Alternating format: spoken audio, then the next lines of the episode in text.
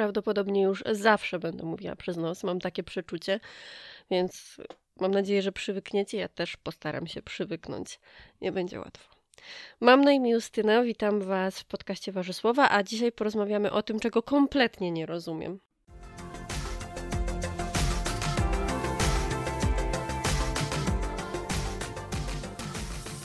Zanim przejdziemy do tematu głównego, czas na pierwszy kącik kulturalny w nowym sezonie. E, dzisiaj pogadamy o książkach, ponieważ moje życie kulturalne ostatnio właśnie skupia się na tym, że czytam książki. Nawet mało oglądam i mało słucham. Taki czas. I chciałabym opowiedzieć o dwóch i wspomnieć o trzeciej. Natomiast skupię się głównie e, na jednej z książek, którą przeczytałam jeszcze w 2019 roku, ale która zniechęciła mnie do siebie na tyle, że chciałabym wam trochę o niej opowiedzieć. Mam trochę wątpliwości, bo nie lubię krytykować książek, w które było włożone naprawdę dużo pracy i to widać i zerkając na literaturę z tyłu i, i to się widzi, po prostu widzi się, że autor, czyli Przemysław Słowiński naprawdę zrobił porządny research, naprawdę przygotował się do tego, żeby tę książkę napisać. Ale niestety nie jest ona wolna od wad. I przyznam szczerze, że bardzo zmęczyłam tę książkę. I gdyby nie fakt, że musiałam ją przeczytać, to chyba bym ją porzuciła już w którymś momencie. Aha, zapomniałam powiedzieć, jaka to jest książka. E, chodzi mi o książkę Edith Piaf i Marcel Cerdan, opowieść o tragicznej miłości, czyli opowieść o miłości Edith Piaf, wielkiej francuskiej pieśniarki oraz Marcela Cerdana, czyli boksera, mistrza świata nawet, jeżeli dobrze pamiętam. Jak mm, widzimy na okładce. Ja widzę na okładce, bo teraz macham tą, książ tą książką. Książka nazywa się Opowieść o tragicznej miłości. Kiedy odwrócimy ją na czwartą stronę okładki, tam też możemy się dowiedzieć, że to będzie książka o tragicznej miłości Marcela, Marcela i Edith. No i tutaj się zaczynają schody. Przede wszystkim, co jest plusem i minusem w zasadzie. Mm, początkowo te pierwszych, tych pierwszych 130 chyba, czy 150 stron książki, w ogóle okazało się, że ona ma ponad 300 stron, a ja byłam przekonana, że ona jest straszliwie gruba, tak mi długo to szło. Początek e, to są dosyć y, szczegółowe biografie Edith i Marcela do momentu ich spotkania. To można potraktować jako plus i minus, ponieważ jeżeli sięgamy tylko po opowieść o tragicznej miłości i tak naprawdę biografie Edith czy Marcela są nam już znane, to pewnie wystarczyłoby mniej informacji. Y, natomiast ja tutaj miałam tak, że część o Edith przeczytałam z przyjemnością, a jako, że ja nie interesuję się za bardzo boksem, to już ta część o Marcelu tak średnio mnie obeszła, natomiast no nie powiem, że to jest minus tej książki, po prostu zaznaczam, że, że rzeczywiście zajmuje dużo miejsca. To, co dla mnie jest największym minusem tej książki, aż potrąciłam mikrofon, to jest fakt tego, ile w tej książce jest dygresji. Ja nawet jak sobie teraz zerkałam na literaturę, to widzę, że właśnie autor zapoznał się z wieloma y, książkami, które są wokół tej historii i chyba miałam takie wrażenie, czytając ją, że chciał powiedzieć wszystko, co wie. Ja naprawdę podziwiam wiedzę i uważam, że oczywiście tło historyczne jest ważne, fajnie wiedzieć, w jakiej okolicy ktoś mieszkał i tak dalej, ale tych dygresji było za dużo. One były zbyt szczegółowe i takie, że co chwilę zadawałam sobie pytanie, po co to? Po co, po co mi jest ta wiedza w tym momencie? Że ja nie po to sięgnęłam po tą książkę, żeby o tym akurat czytać. Na początku myślałam sobie, no dobrze, no może autor miał jakąś tam liczbę znaków, czy liczbę słów, a może stron, którą musiał wypełnić i, i robił tak jak, nie wiem, studenci w pracach zaliczeniowych. No ale im więcej tych dygresji było, tym bardziej to było irytujące już wręcz. Y, I to nie chodzi o takie, nie chodzi o takie dygresje związane na przykład z Edith czy Marcelem. Chodzi tutaj o to, że na przykład były już takie dygresje, że Edith czy tam Marcel, a może oni razem, poszli do restauracji i my otrzymujemy historię restauracji. Dlaczego restauracje nazywają się restauracjami, gdzie to się zaczęło? No po co? Moje pytanie brzmi po co? To jest zupełnie niepotrzebna informacja w tej książce. Mar y, Edith zamieszkała przy Central Parku, więc dostajemy historię Central Parku. Mm, Marcel z kimś walczył, więc dostajemy jego historię jego um, przeciwnika od narodzin właściwie do śmierci to nie są do końca informacje, które są potrzebne w kontekście tej książki, moim zdaniem, a dodatkowo ma się, taką, ma się takie ciągłe poczucie, że to są zapychacze i że mogło ich by tu nie być i czytałoby się przemiło. Nie wiem, takie trochę opisy przyrody nad Niemnem. Takie miałam poczucie. Co jeszcze mi tutaj nie pasowało? Wydaje ci się, że czytasz biografię i nagle zaczynają się dialogi. I to nie chodzi mi tutaj konkretnie o tę książkę, ale albo jest to fabularyzowane i albo biografia ma taki kształt powieści. I to jest super zrobione na przykład w Upartym y, Sercu o Halinie Poświatowskiej. Tutaj jest tak, że czytasz, y, nie masz wrażenia, że czytasz powieść. Czytasz biografię i nagle pojawiają się dialogi.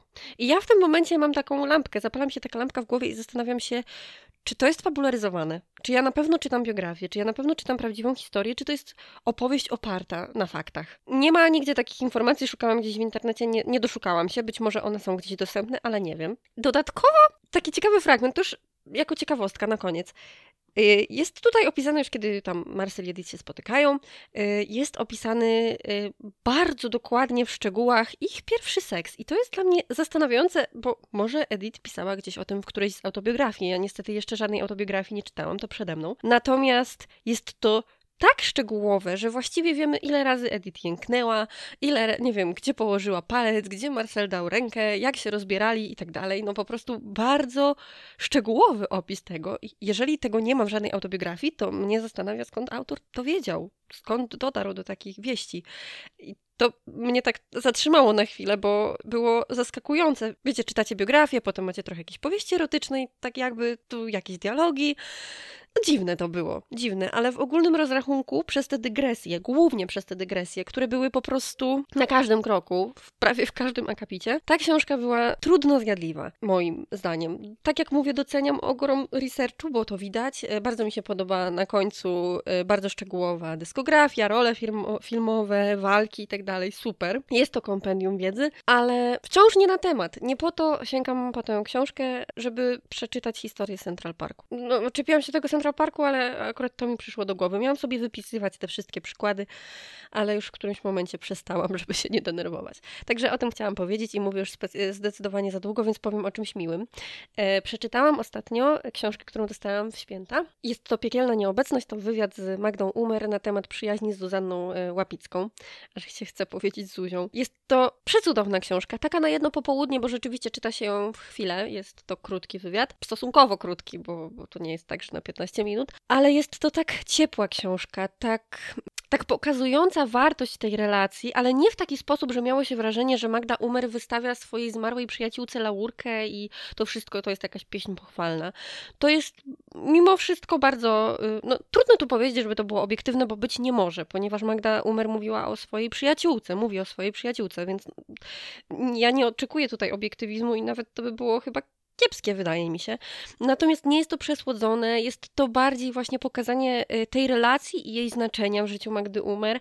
Świetnie się to czyta, to było, tak jak mówiłam już na początku, pełne takiego ciepła, które się wręcz czuło prawie namacalnie. Bardzo, bardzo polecam tę książkę. Ja też mówiłam, że Magda Umer uczy wartości przyjaźni i w tej książce dalej to robi.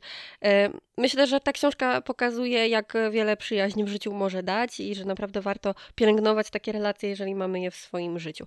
E, I oczywiście proszę o książce, która mi się bardzo podobała. Mówię bardzo krótko, bo zawsze o rzeczach, które mi się podobają, mam mniej do powiedzenia. No i jeszcze tak szybciutko, bo kącik kulturalny będzie dłuższy niż główny temat odcinka. Chciałam szybciutko powiedzieć o książce, która się nazywa Zabójczy pocisk Polska krew. To jest druga część, bo pierwsza chyba to jest Zabójczy pocisk, ale tej pierwszej jeszcze nie czytałam. To jest zbiór opowiadań różnych e, polskich autorów. E, to są Przepraszam, szczeka pies. Mam nadzieję, że tego nie będzie słychać. Jestem na wsi. I jak nie pies, to kura, jak. E, no dobrze. W każdym razie... O czym to ja mówiłam? Aha, o zabójczym pocisku.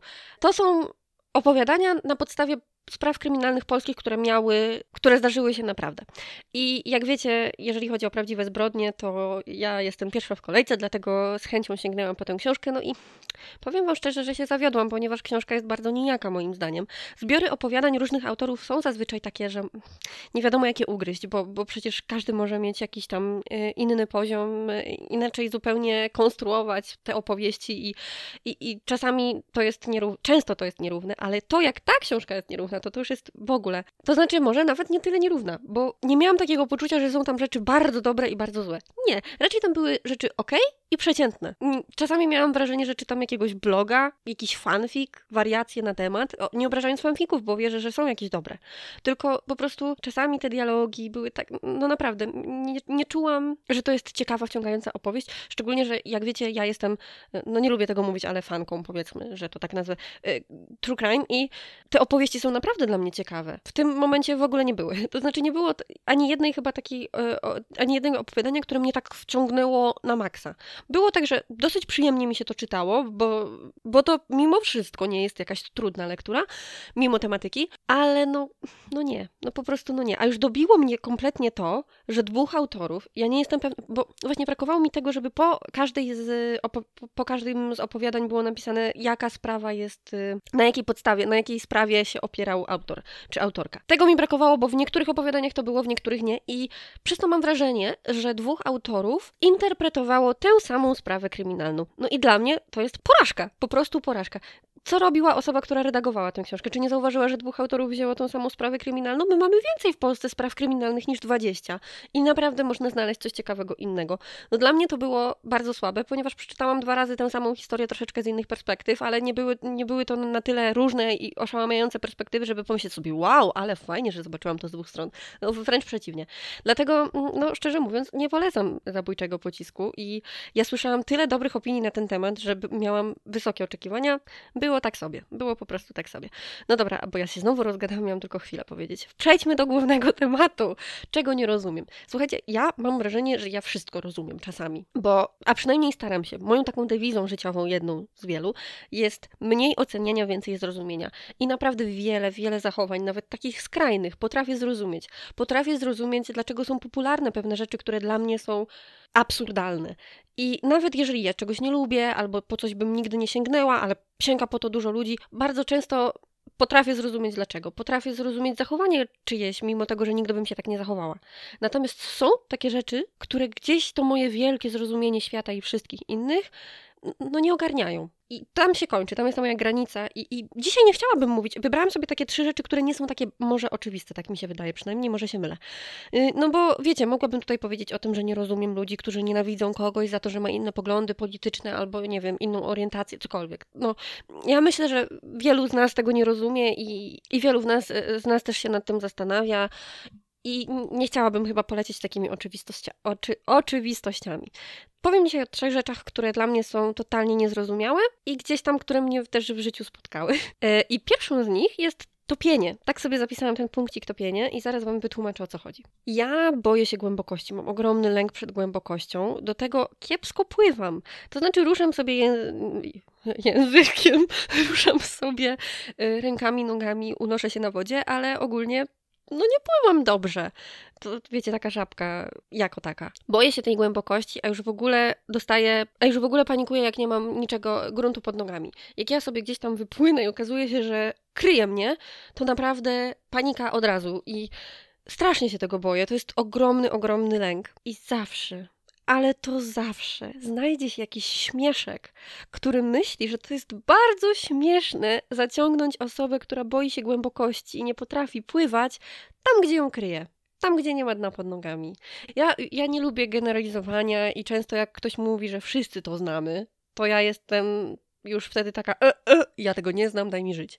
Ale tutaj mam wrażenie, że naprawdę to dotyka wszystkich, którzy boją się głębokości. A jeżeli nie, to ja wam szczerze zazdroszczę, że nie mieliście nigdy wokół siebie kogoś takiego, kto pomyśli, że to jest zabawne. I ja naprawdę nie rozumiem, co jest w tym zabawnego takiego, że wyciągasz na głęboką wodę osobę, która się tego boi, która zaczyna płakać albo krzyczeć, która wpada w panikę i to jest takie zabawne. O, jakie to jest zabawne!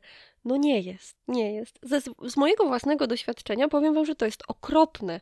I jak wiem, że jakaś osoba tak robi, to ja boję się z nią przebywać w jednym miejscu, gdzie jest woda. To jest. Teraz musi auto przyjechać.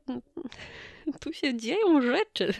Tu jest głośno. W każdym razie, no dla mnie to jest okropne zachowanie. Nie zrozumiem tego. I najlepsze jest to, że ty mówisz tej osobie: nie rób tego, ja się boję. Ja się po prostu boję i błagam cię, zostaw mnie. No skąd? Przecież to jest takie zabawne. boki zrywać. Także mm, dla mnie to jest okropieństwo, nigdy tego nie zrozumiem. Dlaczego na siłę potęgujemy czyjś lęk i dlaczego czyjś lęk przed czymś, co nas nie dotyczy, jest taki zabawny? No, nie wiem, nie mam pojęcia. Nie róbcie tego, jeżeli tak robicie, to tego nie róbcie, bo to jest okropne. Zachowujecie się strasznie. I teraz sobie gadają na podwórku. No nie. Cały dzień ciszy, zaczynam nagrywać podcast, nagle zjeżdżają się ludzie, są jakieś rozmowy. Mam nadzieję, że tego nie będzie słychać. W każdym razie topienie. Topienie jest ultra słabe. I wyciąganie na głęboką wodę osób, które boją się głębokości. Wstyd. Po prostu wstyd. I moim punktem drugim, nie wiem dokładnie jak go nazwać jednym zdaniem, więc po prostu powiem wam o co chodzi. Ja na przykład nie piję alkoholu, o czym już kiedyś wspominałam. Potem zwariuję zaraz. Nagle się wszystkim gadać zachciało. Boże, te rozmowy na zewnątrz mnie tak z, z rytmu wyrywają. Więc ja nie piję alkoholu i na szczęście moje y, raczej nie trafiam na osoby, które mnie jakoś szalenie namawiają do tego, żebym wypiła. Jakby chodzę na wesela, na jakieś tam imprezy i tak dalej, nikt mi nie mówi, a ze mną się nie napijesz. No nie zdarzyło mi się. Natomiast to, co mi się zdarzyło, to napij się, bo gospodarz będzie czuł się urażony. I to jest dla mnie taka głupota, ale taka głupota, że totalnie tego nie rozumiem. Y, miałam taką sytuację jakiś czas temu, że y, po prostu pojechaliśmy do kogoś i ten ktoś y, tak na, na przywitanie rozdał kieliszek jakiejś swojej nalewki. No i ja tak patrzyłam na te kieliszki no i nie chciałam ich brać, ponieważ no nie piję tego alkoholu. No i, i widzę już taki wzrok ludzi, którzy ze mną tam są, że ups, oj, tak się nie robi, oj, tak się nie robi, bierz to, pij. No, powiem wam szczerze, że ugięłam się, bo jeszcze wtedy, jakby, jeszcze wtedy nie byłam taka pewna swego i tak dalej. Dzisiaj bym na pewno powiedziała po prostu nie i koniec, ale wtedy zobaczyłam, że nagle wszyscy zachowują się tak, jakbym kogoś uderzyła, więc dobrze, wzięłam tę nalewkę i ją wypiłam. I potem się dowiedziałam, że no Justyna, no to trzeba wypić, słuchaj, no gospodarz ci daje, no to musisz jego zdrowie... Wy... No właśnie, kurczę, nie muszę. Słuchajcie, nie muszę. Mogę dostać na przykład herbatę. Ja nie rozumiem, dlaczego gospodarz y, jest y, przekonany, że skoro przychodzi do niego osoba dorosła, to może z nim wypić alkohol. I nawet nie pyta na przykład, a pijesz? Bo jednak to nie jest coś takiego, co. Y, to nie jest herbata. A nawet herbatę nie wszyscy piją. No nie wiem, czy to jest jakiś taki problem zapytać, czy chcesz, tylko od razu wciskać i jeszcze czuć się urażonym, że ktoś nie chce wypić. No wytłumaczcie mi, o co tu chodzi, bo ja nie rozumiem. I, i nawet mi nie, nie mówcie o jakimś kulturowym czymś tam, bo do mnie to nie przemawia. Ponieważ nie mówimy tutaj o wodzie, tylko o alkoholu. I to, słuchajcie, a gdybym na przykład ja nie piła tego alkoholu, bo byłabym na przykład niepijącą alkoholiczką. No nie jestem, okej, okay. ale gdybym była, to wiecie, co ten jeden kieliszek nalewki mógłby zrobić w, takim, w takiej sytuacji? No na szczęście u mnie tak nie było było, natomiast ja na przykład bardzo źle się czułam ze względu na to, że wywarto na mnie taką presję.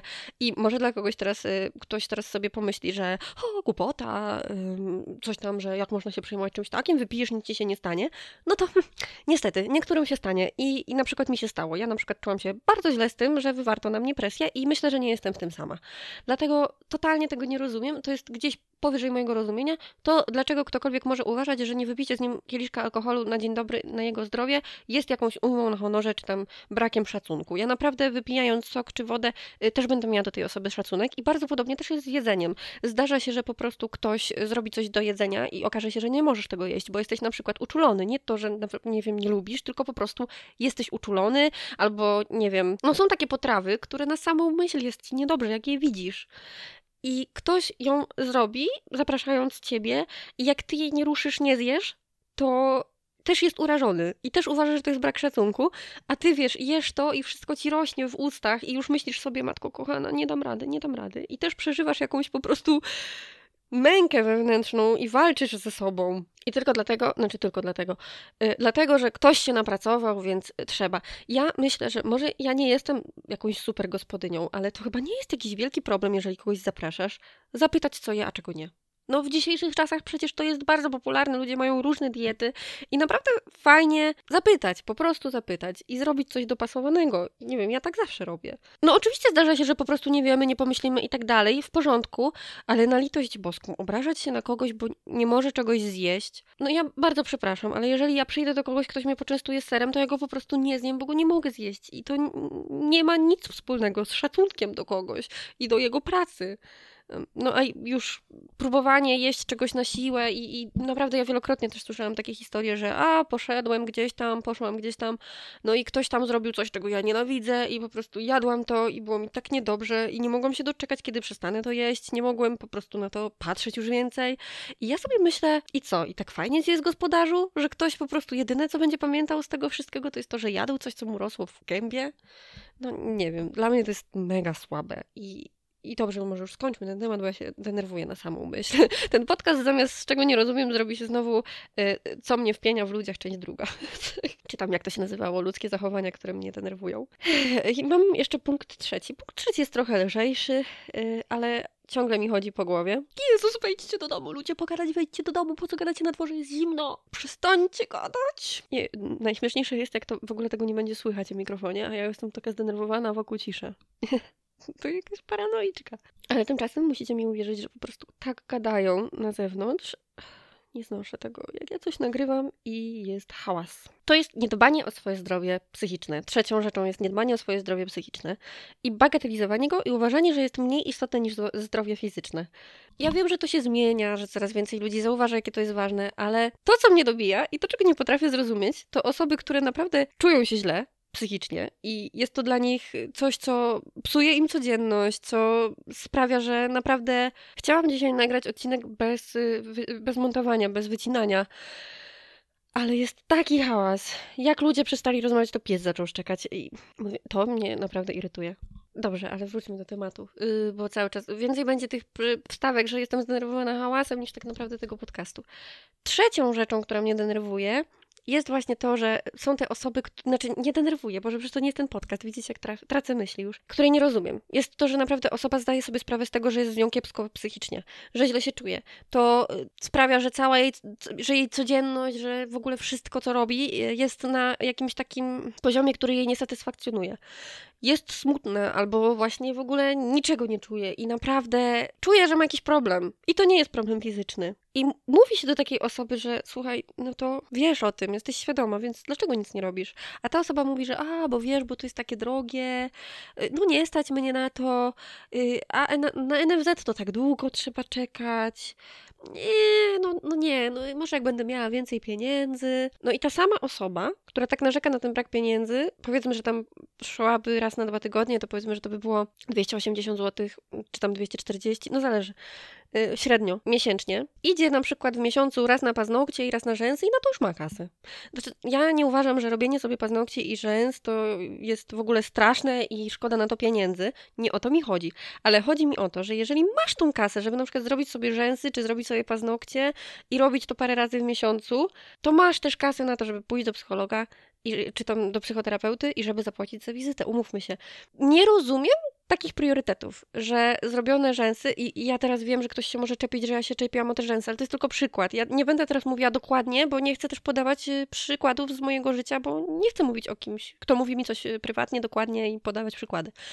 E, więc mówię o tych rzęsach. Ja nie rozumiem tego, tych priorytetów. Po prostu trudno mi zrozumieć, że zdrowie psychiczne jest niżej niż ładne rzęsy i ładne paznokcie. Myślę, że bez tego totalnie można przeżyć i można tę kasę zaoszczędzić na coś, co naprawdę skutkuje poprawą naszego zdrowia. Gdyby to było zdrowie fizyczne i gdyby coś nam doskwierało, gdyby na przykład bolał nas brzuch, to byśmy poszli do lekarza i by nie było jakiegoś takiego wielkiego problemu. I jeżeli trzeba by było pójść prywatnie, to zrezygnowalibyśmy, zrezygnowałybyśmy e, z tych paznokci. No a jeżeli chodzi o głowę, to mimo, że 30 razy w tygodniu mówimy, jak jest źle, no to, no to nie no to nie. A jak uważamy, że mamy czas, to chyba możemy poczekać na ten NFZ. No i może, może nie wiem, komuś się nie, nie spodoba to, co teraz powiedziałam, ale tak po prostu uważam. Jeżeli I e, na tym chyba chciałabym zakończyć, ponieważ nie dość, że to trwa bardzo długo, to przez większość czasu po prostu ktoś tu gada albo szczeka pies. W związku z tym e, po prostu to, to chyba na tyle.